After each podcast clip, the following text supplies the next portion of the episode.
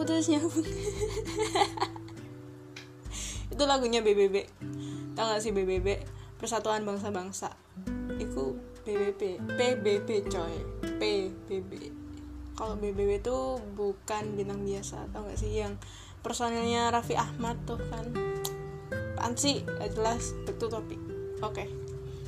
putus. Ketika dengar kata ini pasti akan tertuju pada hubungan percintaan di mana dua sejoli yang menjalin cinta itu harus berhenti di tengah jalan. Padahal, kata putus itu ranahnya bukan ke percintaan aja.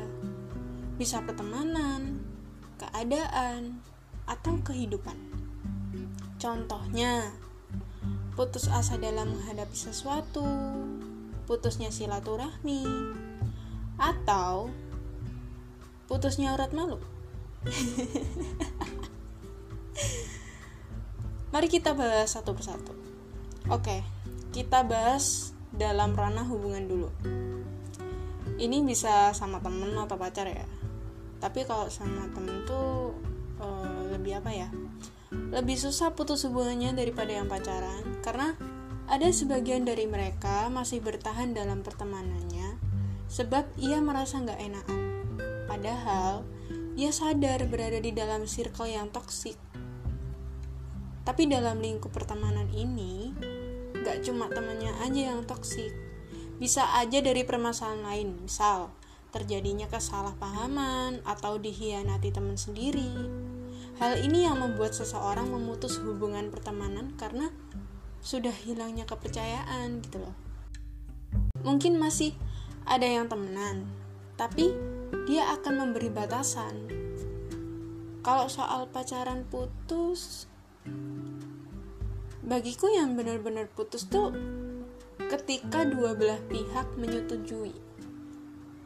Soalnya kalau cuma sepihak aja itu kayak ada yang ganjel gitu loh. Dan biasanya satu pihak lagi berusaha mempertahanin. Walaupun putus itu disetujui dua pihak tapi putus sama pacar tuh nggak ada yang bisa baik-baik. Emang ada kayak yuk putus terus dijawab yuk lah kan nggak ada. Pasti kita akan saling membenci. Lupa dulu pernah mencintai. Ya Allah. Dalam situasi ini kita saling menyalahkan. Dan dengan pembelaan-pembelaan itu kita merasa paling benar. Kalau ada yang nyala buktinya aku bisa baikan sama mantan. Iya baikan. Terus nggak lama balikan. Ya kan Sebagian orang memang ada yang bisa temenan sama mantan dan ada yang enggak. Untuk berada dalam titik menerima dan berdamai dengan diri sendiri, dia atau keadaan, itu tuh butuh waktu yang kita sendiri nggak bisa mastiin kapan gitu. Emang, emang hubungannya sudah putus, tapi enggak sama perasaannya. Ada yang masih penasaran, ada yang masih marah, dan ada yang masih menyimpan rasa. Hanya saja, dalam titik menerima semua itu, kita berakhir temenan sama dia atau kembali seperti orang asing. Menurut Wikipedia, putus adalah suatu kejadian yang mengakibatkan stres, tidak menyenangkan, dan traumatis, tanpa memandang apakah orang tersebut adalah yang memutuskan atau diputuskan. Ya, memang kita akan belajar dari sebuah kejadian, entah kita yang memutuskan atau diputuskan.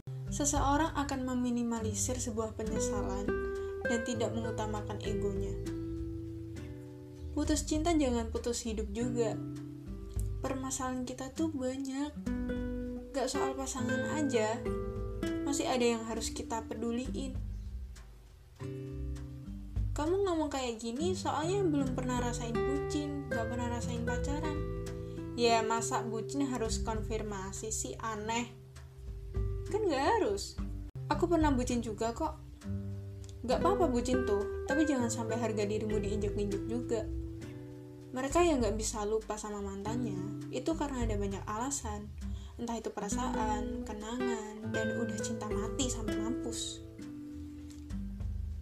Jangan mencintai seseorang melebihi dirimu sendiri. Kita nggak bisa menjamin seseorang yang kita sayangi itu selalu menetap. Hidup ini nggak luput dari datang dan pergi.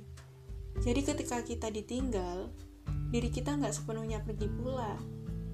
Kan banyak kasus tuh, diputusin terus bunuh diri.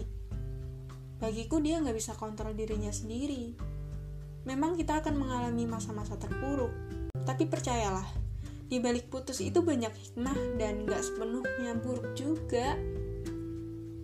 Terkadang apa yang menurut kita baik itu bukan yang terbaik di mata Tuhan. Mungkin kita sudah bebal dikasih tahu manusia, maka sama Tuhan diberi sebuah kejadian agar sadar. Ya kalau nggak gitu, kita nggak bakal sadar-sadar dong. Untuk kamu yang mengalami putus, gak ada salahnya kok sendiri.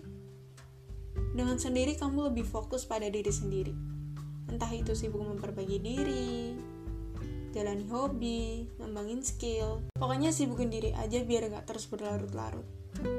Soal pasangan, jika Tuhan berkehendak, dia juga akan datang.